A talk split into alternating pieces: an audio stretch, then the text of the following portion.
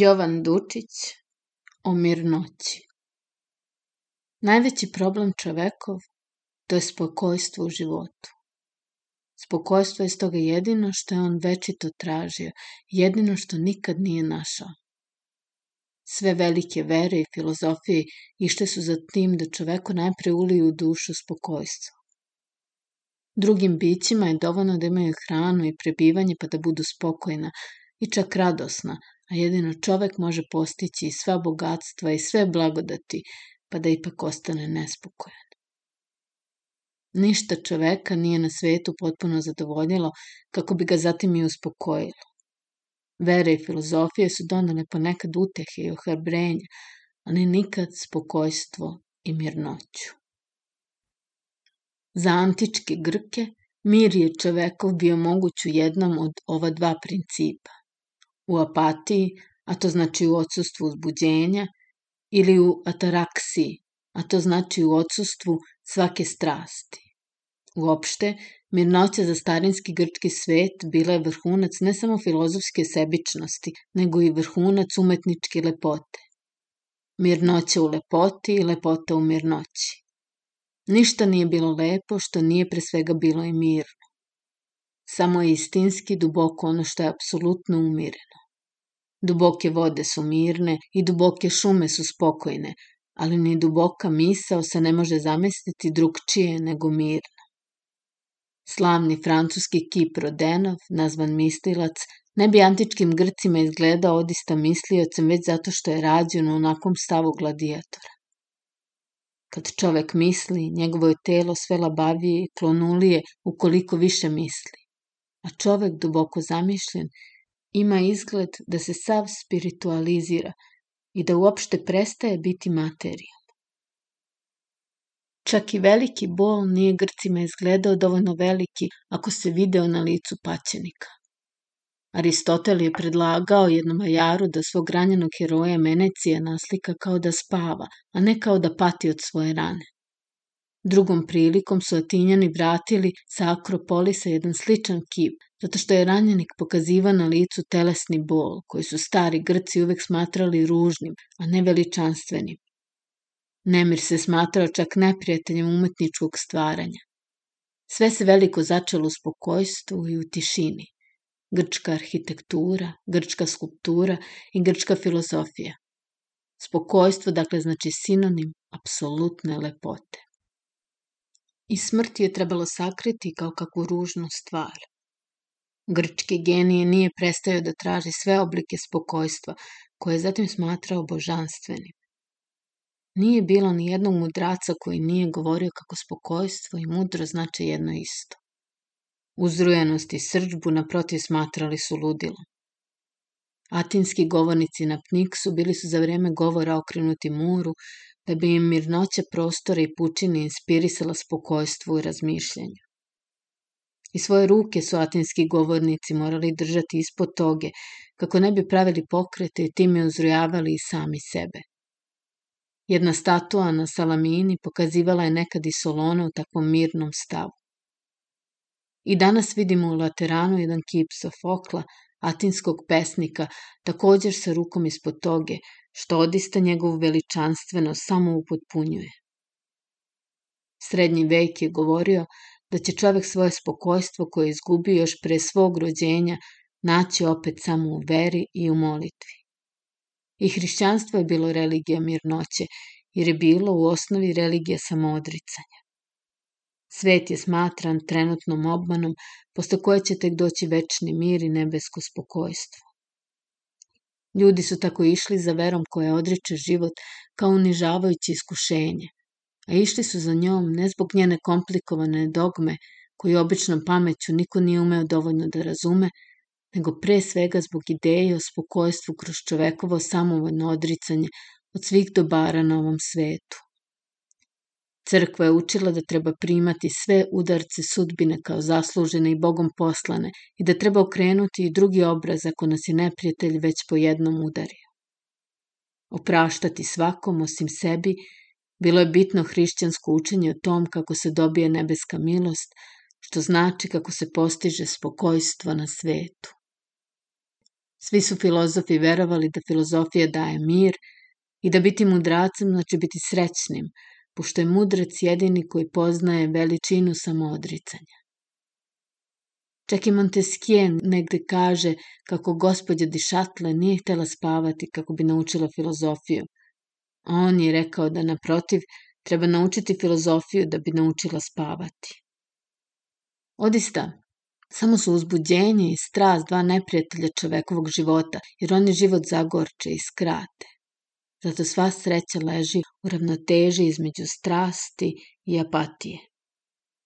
Imperator Marko Aurelije savjetovao da treba biti u harmoniji sa svemirom, ne znajući da će jednom docni astronomi odista i računski dokazivati koliko harmonija i svemir znače jedno isto i da će zakon Njutnovo gravitaciji predstavljati jednu formu ljudske misli.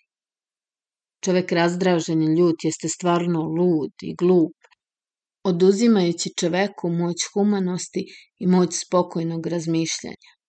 Samo čovek miran izgleda uvek gospodarem i sebe i drugih, dostojanstven i ponosit. Čovek gospodin mora pre svega biti miran. Ima jedna mirnoća gospodina koja je blistavija i od najlepših reči. Ako čovek pun temperamenta donosi često ljudima puno radosti, ipak samo čovek spokojan donosi mira. Francuz može da vas zamori duhovitošću, ali vas nikad Englez ne zamori svojom mirnoćom ni kratkim rečenicama, rečenicama u kojima često nema ničeg osobitog, i to sasvim namerno, da bi one bile podnošljive, zato što bi pre svega bile neuzbudljive. Ljubaznost Engleza i nije nikad u rečima, nego u njegovom celom odnosu i držanju, što je kod Francuza ili Italijana, koji su blistavi izdašni u rečima, često sasvim protivno. Montesquieu je pravo rekao da Englez nikad nije dovoljno učtiv, ali da nije nikad neučtiv. Spokojstvo daje uzvišene izglede ljudima i stvarima. Kako je izgledala veličanstvena smrt Geteova, kada je u momentu u kome je osetio da mu se primiče velika senka smrti, zatražio samo malo više svetlosti. Takva je bila uzvišena i smrt Šilerova. Kada je pesnikova prijateljica, gospođa Olcogen, zapitala ovog pesnika u takom istom momentu kako se osjeća, Šiler je odgovorio. Sve mirnije. Čovek je nespokojan samo kad je u društvu drugog čoveka, naročito kad je u društvu sa više ljudi zajedno, a skoro nikad kad je sam. Miran razgovor je jedino moguć udvoje. Ako u razgovoru učestvuje više njih, onda ne samo da je razgovor obično nespokojan i strastven, nego i neiskren i izveštačen, čak i među ljudima koji su inače među sobom najiskreniji. Svakda u našem životu ima neko treći koji smeta našem spokojstvu, kao što treći smeta u braku. Za miran život treba što manje ljudi i što manje reči. Stvarno, reči sve iskvare, izvitopere, i upropaste i profanišu. Neki ruski pisac je rekao, izrečena reč je laž. Razmislite, odista, pa ćete se setiti kako ste često bili gotovi da s nekim dođete do sporazuma ili čak i do prijateljstva, da nisu na jednom pale neke reči i da nije izbilo neko treće lice. Uopšte, sve što se utroje govori, taj govor ne prestaje da stoji u vezi najpre sa onim trećim, da se zadobije njegovo mišljenje, da bude po njegovom ukusu, da bude na strani kojeg od one dvojice koji diskutuju. On je tu da sudi, odmeri, presudi. Ovaj treći to je svet. To je načelo i pravilo, razlog i moral. Zbog njega verovatno često razgovor postaje blistavijim, ali i plašljivijim, a stoga i lažnijim. Još ako je ta treća ličnost slučajno neka lepa žena. Ljubav je po pravilu jedno osjećanje zloće, sujete i egoizma. Ljubav je strast, a u strasti je čovek uvek zao, ako nije čak glup i lud. Prema svemu tome, nepostižno je spokojstvo drugčije, osim samo udvoje. Kada filozof Platon kaže da samo ljubav donosi mirnoću, onda reč ljubav treba ovde razumeti u kosmičkom smislu, jer se reč ljubav i u ovom slučaju tiče mirnoće elemenata u svemiru, a ne spokojstva u sujetnom i sebičnom čovekovom duhu. Svakako, čovekova ljubav za ženu jeste najmanje u stanju da dadne mirnoću koju čovek traži za svoje stvaranje. Žena je vatra koja basja, a lisa gori. Nema perfidnije kombinacije nego što je jedna ljubavna intriga, niti ima razornijih priviđenja nego što su ljubavna strahovanja. Zato su najviši ljudi bili u ljubavima najnesrećniji. Antički ljudi su bili izvesno ljubavnici koliko i mi sami, ali sa više mirnoće, pošto su voleli ređe i zato dublje. Danas Amerikanci isključuju podjednako sentimentalnost i sensualnost i predstavljaju zato najmirnije ljude. Sve su dubine u prirodi mirne, a tako su isto mirne i sve duboke stvari u čoveku. Uverenja, vera, herojstvo. Antička ljubav je bila mirna jer je bila zdrava, a bila je zdrava zato što je uglavnom bila fizička. Jedino je civilizacijom i razmišljanjem čovek komplikovao sva svoja osjećanja, pa i ljubav. Spokojstvo antičkih ljubavi vidi se najbolje po pustolovinama njihovih bogova, u kojima nema ničeg preteranog, ni mračnog, ni paćeničkog. Grci su kroz svoju materialističku religiju koja je predstavljala harmoniju elemenata uspela da unese mirnoću čak i u ljubav. Međutim, moderno društvo je ljubav unelo sujetu, što znači ne princip mira, nego princip rasula.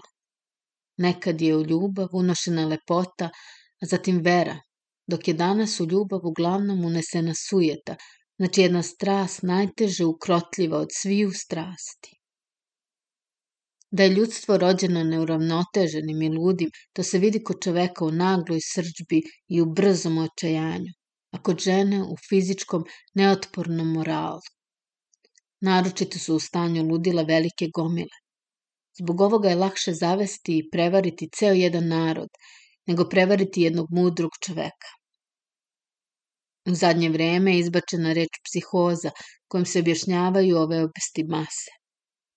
Čovek se mora odista izdvojiti iz gomile da bi mogao normalno misliti. Gomile poruše spomenike kojima su se i same dojuče klanjale i gradove koje su same s teškom mukom izgrađivale. Gomila je neverna i absurdna. Kada su bolovali tirani Klaudije i Kaligula, rimski narod je zbog toga pada u takav bol da je zapretio kako će masakrirati senat, verujući da je posredi neka zavera protiv Cezara. Kad se rodio francuski dofen, gomila Pariska je provodila dane i noći pod prozorima dvora, kličući Luju 16. izbezumljeno od radosti, makar što će docnije ta ista gomila sa mržnjem ispratiti ovog nesrećnog kralja na giljotinu. Čovek se toliko menja prema momentima i slučajevima, da nije uvek ni pouzdano pametan, ni postojano glup ili lud. Jedan isti se čovek zbog toga klati iz krajnosti u krajnost, kada to ni sam često ne primećuje. Spomenuti Cezar Klaudije je u Galiji zabranjivao prinošenje ljudi na žrtvu bogovima, a u Rimu je sam naređivao da se ubija i gladijator koji je se sasvim slučajno okliznuo i pao na areni. Tako se često događa da nam i jučerašnji prijatelj postane sutra najvećim neprijateljem, kao što se događa i obratno. Čovek uvek ide tako većma za svojom nesigurnom prirodom nego za jednim sigurnim razlogom. Čovek se svaki dan za ponešto kaje što je učinio, što najčešće znači da je čovek u izvesnom momentu bio nesposoban da potpuno savlada urođeno ludilo i uradi ono što je najmanje želeo da uradi. Svakako, zdravi su samo ljudi koji su bez strasti, a takvih je najređe. Zato ljudi najčešće naprave ono što su najviše izbegavali i izgovore ono što se najviše želeli da prećute. Stoga ne hvatajte ljude u pogreškama, praštajte uvrede i ne pamtite reči. Od stotinu stvari koje čovek uradi, on ih je najviše uradio u ludilu ili u bunilu, ili bar slučajno, ali svakako najmanje promišljeno. Često sam govorio sam sebi, Od onog što sam malo čas izrekao, ne bi li bolje bilo da sam prećutao bar polovinu. A od onog što sam sada smislio da kažem, ne bi li bilo bolje da ništa od toga svega uopšte ne kažem, ili čak da izgovorim nešto sasvim protivno. Na ovaj način je ovako kušanje samog sebe često i mene izvelo na pravi put, pošto čovek ide za strastima koje su uvek budne i navikama koje su mehanički uvek aktivne, više nego za razumom. Glavno je u svom životu i svojim rečima pronaći neki tajanstven konac koji vodi po zamršenim putevima naših strasti i navika, jer čovek pogreši baš u traženju samog pravca, više nego što pogreši u samim detaljima. Operišite sa kontrastima i uvek ćete pogoditi put. Glavna je stvar grosso modo, desno ili levo, belo ili crno. Stoga nije ni pitanje zašto je Aleksandar u Persiji ili u Indiju radio ovu ili onu stvar, nego je glavno da li mu uopšte trebalo ići u Aziju. Mesto da je pokušao ujediniti Evropu i civilizirati je u blagorodnom grčkom duhu. Prema tome, pošto čovek ili najčešće uradi ili najčešće kaže sasvim protivno od onog što je sam želeo, znači da je čovek po instinktu lud i da su većina njegovih sreća ili nesreće slučajne. Zbog ovog, ni najdublje religiozni ljudi nisu uspeli da budu dobri koliko su to želeli. Prvi hrišćanski imperatori nisu bili bolji od paganskih. Konstantin nije bio bolji nego Titus, ni Teodosije bolji nego Marko Aurelije. Naprotiv. A da je čovek veliki deo života u stanju ludila, dokazuje to što nema čovekove zloće koja nije pomešana sa dobrotom, niti ima čovekove dobrote u kojoj nema i zloće. Religija jedina umerava čovekovo ludilo, jer i zlo i dobro su bili u prirodi pre nego što su bili u religiji. Makar što je čovek uvek čezno za spokojstvom, koliko i za svetlošću i vazduhom, ipak je on sam radio najviše protiv njega. Sve čovekove mane idu za tim da čoveka obespokoje, a najviše njegov neobuzdani jezik. Odavno je rečeno da iskrenost ne znači reći sve što čovek misli, nego ne reći nikad ono što ne misli, a čak su najopasniji ljudi koji kažu sve što im je na srcu i na pameti, što na umu, to na drum. Jer oni ne govore istinu ili zabludu zato što su iskreni, nego zato što su slabi i zato što ne vladaju sobom. Mnogi ljudi ne smeju da sa svojom istinom ostanu nasamo, kao što dete ne sme da ostane u praznoj sobi. Ima često i više plemenitosti da neke istine prećutimo, nego da ih otvoreno kažemo. A mnoge vam istine ljudi kažu ne iz dobrote da bi vam koristili, nego iz cinizma da bi vas unizili. Uljudnost je jedan način da se izbegnu potresi i nespokojstva. Trebalo je mnogo vekova dok su ljudi izmislili reč uljudnost. Istina, uglađenost izgleda prostim ljudima hipokrizija, a verovatno da često ima tu i dosta tačnog, pošto čovek mora pokazivati da mnoge stvari ne vidi, da bi preko njih prešao. Izvesno, u uglađenosti ima puno i umetnosti, što znači puno finoće i dobrote. Zato je čovekoljubivi karakter uljudnosti bio cenjen kroz sva vremena. Najkulturniji narodi su uvek bili najuljudniji. Učtivost Kineza i Persijanaca bila je njihova najviša rasna odlika – Oni su sami stavljali uljudnost i iznad dobrote. U Veneciji 17. veka, kada su anonimna pisma bila dovoljna da nekog opreme u smrt, neprestano su bila u dejstvu dva poznata društva za uljudnost. Samo u društvu učtivog čoveka može čovek naći spokojstvo. Narod bez osjećanja uljudnosti, a takvih ima i među najvećim, to nije narod, nego gomila. Znači da se po uljudnosti najbolje razlikuje društvo od rulje. Samo je gospodin u stanju da vam kaže pohvale u lice, a samo prostak misli da je sebe obezoružao ako je drugome kazao prijatnu reč. Gospodin je navikao da lako dadne slatku reč, kao što lako ispusti zlatnu paru, a fukara sve plaća u marijašima i uvek misli da je sve preplatio.